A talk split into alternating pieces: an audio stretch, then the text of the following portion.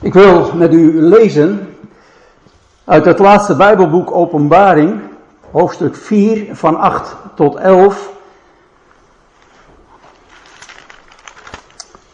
En daarna Openbaring 5 van 6 tot 14.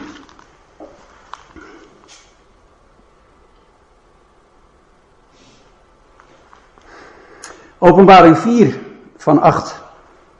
Vanaf 8. En de vier dieren hadden elk voor zich zes vleugels en waren rondom van binnen vol ogen.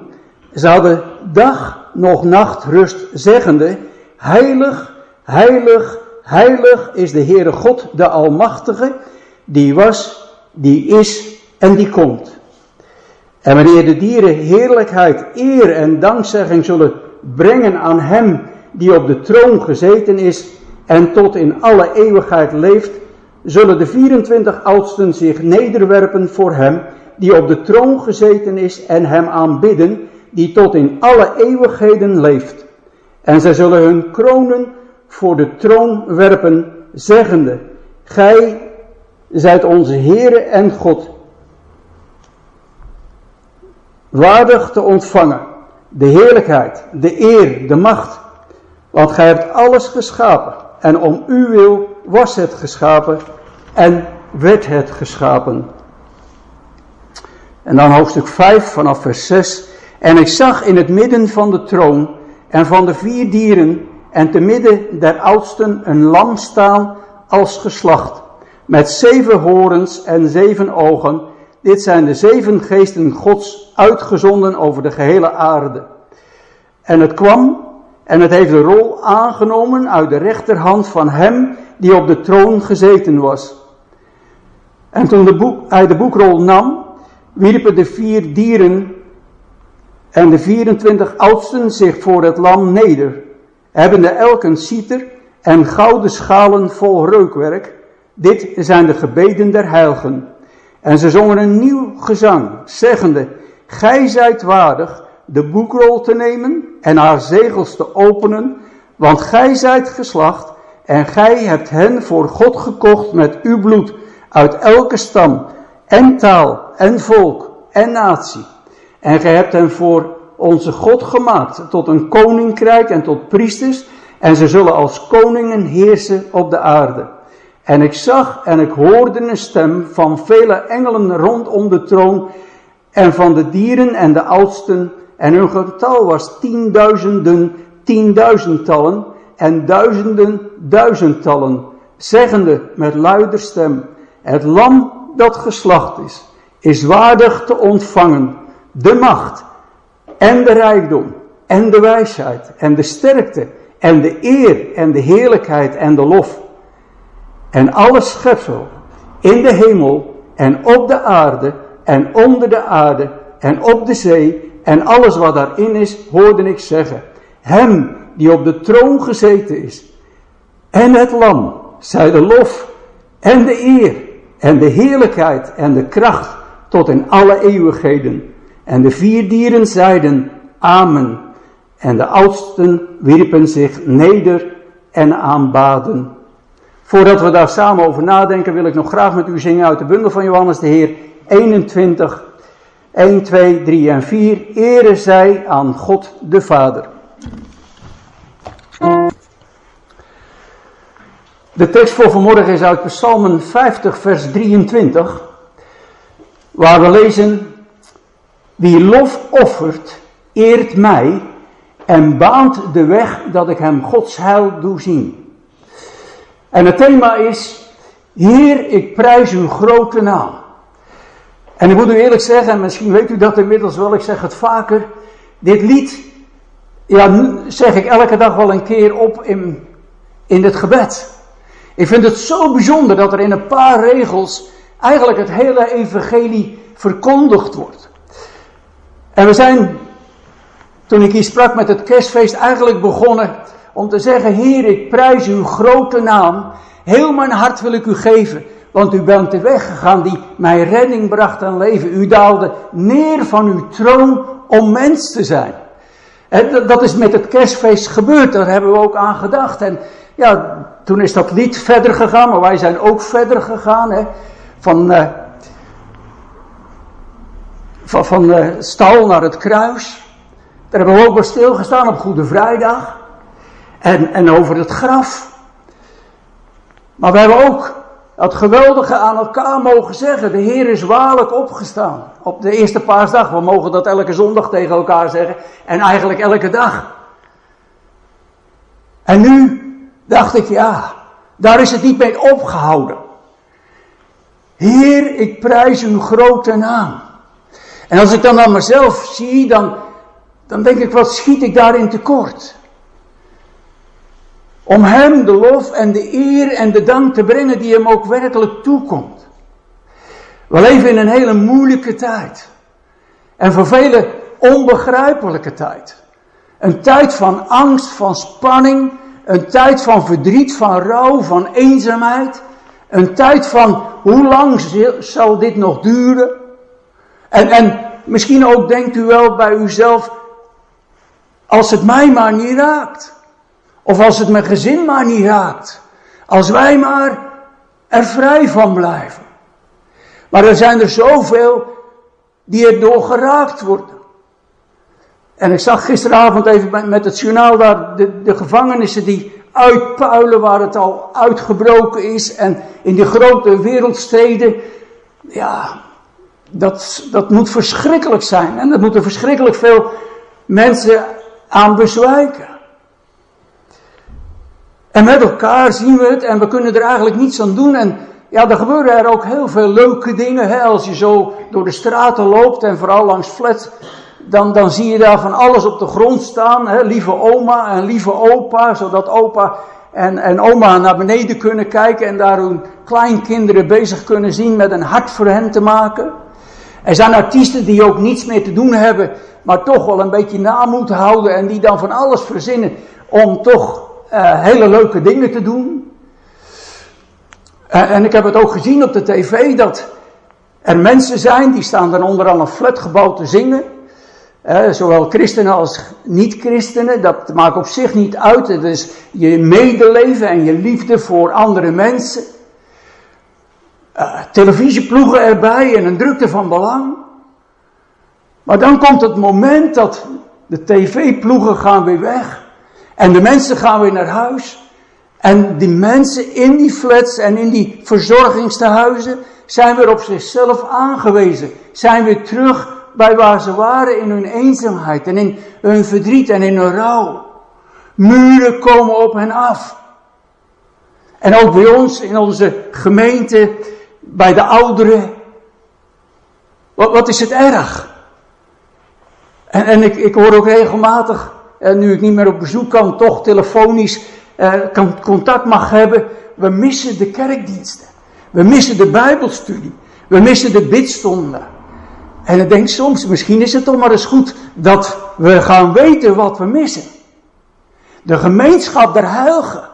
Want als het, toen het allemaal wel kon, ja, voor velen was waarschijnlijk de bidstond en de Bijbelstudie niet zo belangrijk.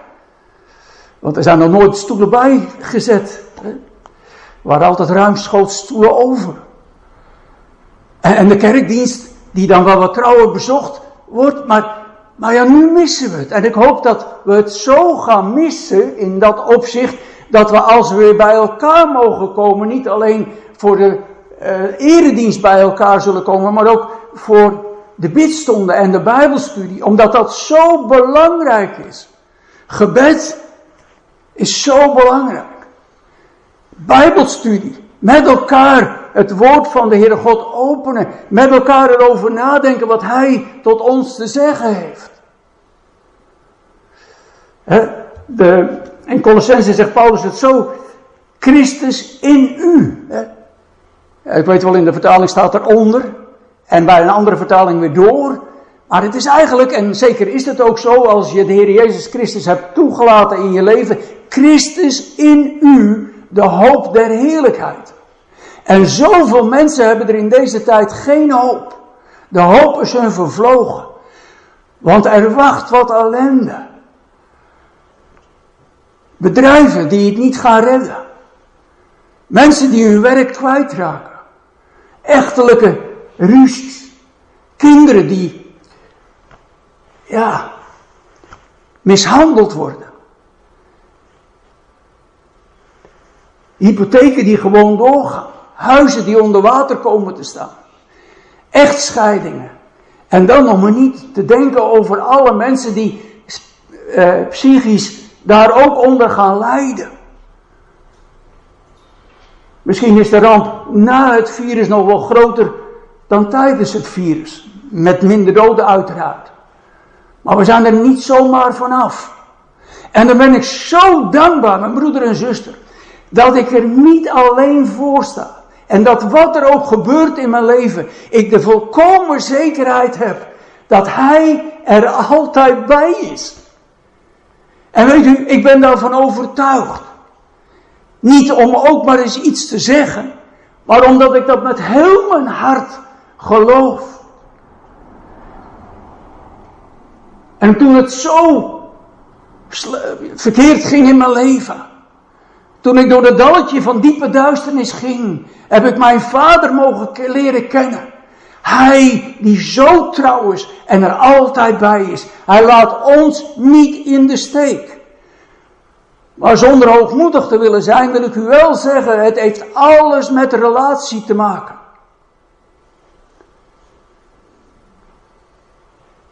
Nu hebben we zoveel tijd, onze agenda's zijn leeg. En, en waar, hoe vullen we die tijd in? Met klagen. Ik, ik, ik, hoor ook een beetje opstandige mensen die aan, opstandig aan het worden zijn en dat duurt me te lang en het gaat toch naar buiten en ze kunnen het bekijken en hier is het toch niet. Nee, maar wat er niet is kan wel komen. En als u dan spreekt met mensen die zondag aan zondag in de kerk komen, die geweldige liederen die we ook vanmorgen al mochten zingen zo samen, meezingen. En dan ook toch op de moeilijkste momenten van hun leven zich afvragen wat God is.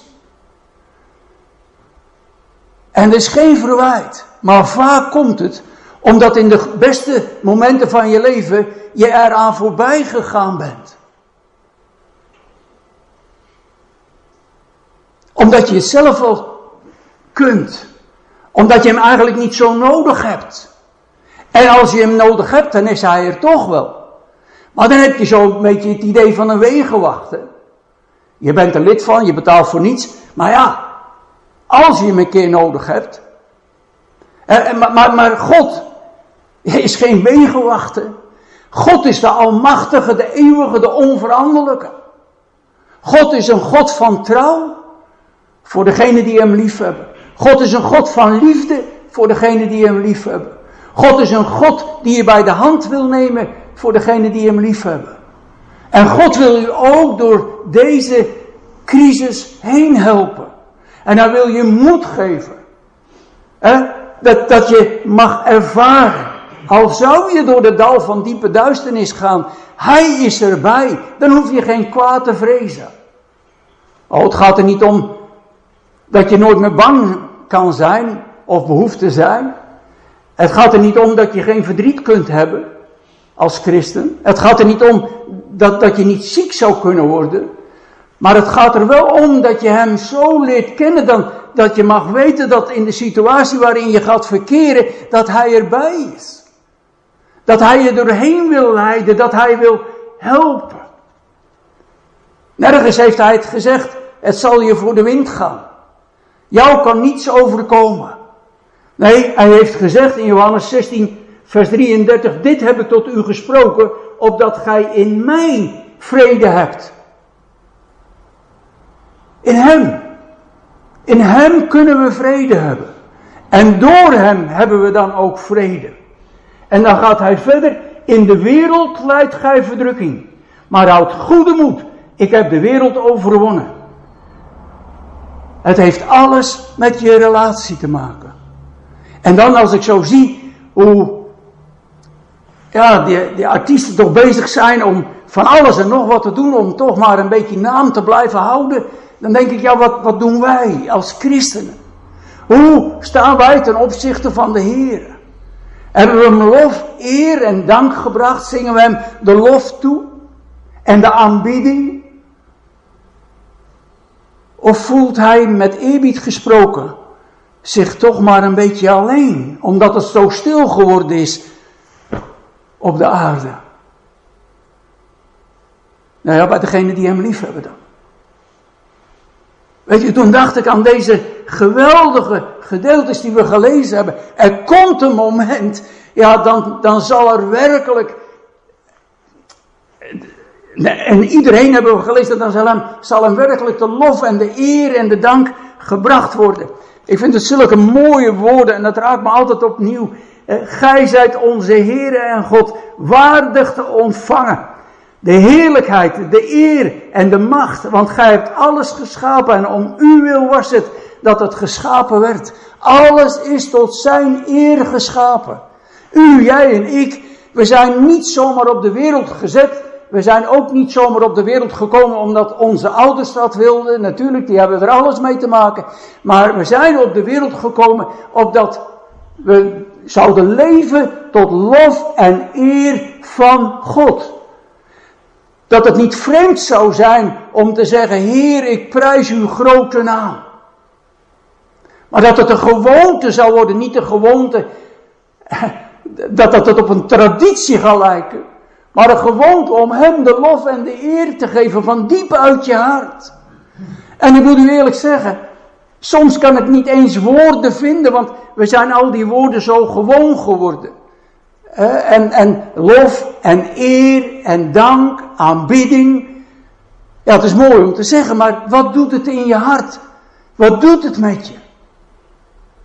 Denk je er ook over na als je hem de lof en de eer en de dank brengt? Ik heb het al eens meer gezegd, ik kom uit een oud gereformeerde kerk waar we op hele noten zongen. En ik moet u zeggen, we hebben daar psalmen gezongen en ik vond het altijd prachtig. Ik ken nog heel veel psalmen. En, en dat hele noten had voor mij, zeg ik nu wel eens, het voordeel dat je in ieder geval de tijd had om te lezen wat je ook ging zingen. En nu missen we dat wel iets. He? Nu zingen we ja, wat vlugger, wat sneller. En, en er is ook niets mis mee. Maar, maar soms, nou hier valt het mee, maar soms kom ik in een gemeente, daar zingen we zo vlug. En, nou, zo vlug kan ik niet eens lezen dat, is, dat ligt dan aan mij, maar goed. en, en toen dacht ik, ja, met die hele noten, dat heeft toch wel iets. Het heeft mij, uh, ja, zoveel vreugde gegeven dat ik die psalmen nu allemaal nog gewoon ken. Ik, ik kan ze zo nog maar opnoemen. Hè. En, en sommige, ja, dan kom ik weer, hè, gebruik ik ook in mijn gebed. Wat is dat mooi als je zelf geen woorden kunt vinden, of je hebt je verlanglijstje afgewerkt, om het zo maar te zeggen, hè, dat je dan zo'n psalm in je opvoelt borrelen, hè, dat is Gods geest, om Hem de lof en de eer en de dank te brengen. En we zijn zulke mooie psalmen. En soms, hè, zo, dat heb ik ook vaker gezegd. Ik heb alles alles vaker gezegd, denk ik. Maar loof de Heer in mijn ziel en alles wat in mij is zijn heilige naam. Ja, soms moet je je ziel opdracht geven om Hem te loven en te prijzen. En dan deze woorden die wij vanmorgen samen mochten delen en mogen delen, helpen ons daarbij. Om niet stil te blijven, om ons niet mee te laten zuigen door de omstandigheden die verschrikkelijk zijn, maar om, om op te zien naar Hem die zegt, ik heb de wereld overwonnen. En mijn vrede geef ik je. Maar ja, wil je dat ook ontvangen? Wil je zijn vrede ontvangen? Ja, denk je, ja, natuurlijk wil ik dat. Ja, maar, maar, maar, maar ben je daar ook stil genoeg voor om dat te kunnen ontvangen? Het is echt verschrikkelijk moeilijk hoor, dat weet ik, om stil te worden voor de Allerhoogste. Ik, ik kan mijn gedachten ook niet stilzetten. Er zit geen knop op, ik vind dat erg. Die gedachten die blijven maar malen. Maar, maar weet je, als je je voedt met het woord van God, gaan die woorden van God door je gedachten malen. Om het, en dat is geen straf, dat is, een, dat, dat is geweldig. Dan, dan, dan merk je ook Ja, dat je steeds dichter bij hem komt, want dan is het Gods geest die in je werkt. Gods geest die die die woorden omvormt tot lofoffers voor zijn aangezicht. De vrucht van je lippen, die zijn naam beleiden. Oh, het staat allemaal in de Bijbel. Het is zo mooi, maar het is wel een kwestie van doen. En als ik dan mag lezen met u, wie lof offert, eert mij. Ja, als we lof offeren, we, wij slachten geen dieren meer om te offeren, dat hoeft gelukkig ook niet meer. Hè? Maar, maar wij mogen lof offeren in onze dankzegging. Hij vindt het niet erg hoor, als je elke dag weer opnieuw zegt: Heer, ik wil u zo danken, Vader in de hemel, dat u uw zoon gezonden hebt voor mij. En dat hij voor mij de prijs betaalde die nodig was om mij met u te verzoenen. Hij vindt het niet erg hoor, als je zegt: Heer Jezus, ik wil u zo danken dat u, terwijl u het van tevoren al wist, toch naar deze aarde gekomen bent. En dat u die weg van vernedering en verachting gegaan bent tot het einde toe, tot het kruis. Dat u dat voor mij deed. Hij vindt het niet erg. En, weet je, je wordt er zo gelukkig van, want hoe vaker dat je dat zegt, hoe, hoe dieper dat het in je hart komt. En hoe meer je ervan overtuigd raakt dat Hij de prijs betaald heeft die nodig was om jou met God te verzoenen. En nu je verzoend bent, dat God, God een God van liefde is. En een God van trouw is. Maar er staat nog meer. Wie lof offert eert mij en baant mij de weg. En dus met andere woorden, als je God de eer en de dank en de lof gaat brengen, dat er een, eh, de Heilige Geest eh, een weg baant in je leven. Niet, niet een weg van naar, naar de wereld toe, maar een, een naar God toe en waarom? Dat ik hem Gods heil doe zien. En Gods heil, ja, dat is allesomvattend in dat opzicht. Dat is je redding. Maar het is ook zijn vrede voor jou. Zijn, zijn liefde voor jou. Zijn erbarming voor jou. Zijn medeleven voor jou. God van trouw. U verandert nooit. En dat is zo bijzonder. Ik dacht aan, aan ons christenen die het soms zo ja, moeilijk kunnen verdragen dat er in ons leven ook van alles en nog wat gebeurt. En dat we daarom eigenlijk niet kunnen zeggen met Paulus, verblijft u in de Heer ten alle tijden. Want vaak hoor ik, ja, dan moet je wel reden hebben om je te verblijden. En je moest eens weten. Ja, daar heb je het. Hè. Je moest eens weten. Ja, natuurlijk, als je in de omstandigheden probeert blij te worden en die omstandigheden zijn verschrikkelijk in je leven, kun je niet blij worden. Maar er staat ook niet in je omstandigheden, er staat in de Heer. Ja, Paulus.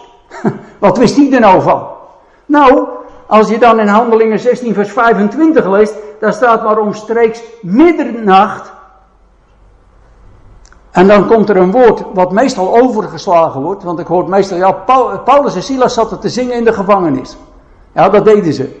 Maar dat woord wordt er dan vaak niet bijgenoemd, maar omstreeks middernacht baden Paulus en Silas en zongen Gods lof. Nou, die hadden het geweldig daar, zeg. Nou, hun rug was kapot geslagen. Ze waren op een verschrikkelijke manier gemarteld. Ze waren vernederd. En ze zitten daar in die gevangenis. Ja, niet zoals hier. In zo'n luxe gevangenis. Hè? Alhoewel dat je daar ook niet moet komen. Maar, maar goed. Ze hadden pijn. En ze hebben misschien ook wel gedacht. Jonge heer, we zijn voor u bezig. En waarom laat u het toe? En dat hebben ze misschien wel in dat gebed gezegd. Er staat er niet bij wat ze gebeden hebben, maar ze baden. Ze zochten het aangezicht van God. En dat is het, als je in de moeite en in de omstandigheden die soms zwaar zijn, het aangezicht van God gaat zoeken. En hem de lof en de eer en de dank gaat brengen. Niet voor de ellende waar je in verkeert, maar voor wie hij is. Ja, dan krijg je ook alle reden om hem de lof en de eer toe te zingen. En ik weet het, soms zeggen mensen, ja, jij kan makkelijk praten. Hè? Maar ik zit hele dagen alleen. Of ik ben hele dagen alleen. Jullie zijn nog met z'n tweeën. En ik begrijp het. Ik begrijp het. Ik kan niet begrijpen wat iemand die alleen is voelt ten opzichte van mij, terwijl wij nog met z'n tweeën zijn. Maar dat voorgangers geen problemen kunnen hebben en geen pijn en moeite en verdriet kunnen hebben, dat is een grote fabel. Dat ze misschien dat niet zo willen laten merken, omdat ze daar kleiner door worden, dat ze denken, nou, van mij mag je het weten. Want ik ben net zo'n mens als u, jij en ik. Of ja, als ik natuurlijk. Als u en jij. Met pijn, met moeite, met verdriet, met zorgen, met teleurstelling. Oké. Niet alleen, maar met z'n tweeën.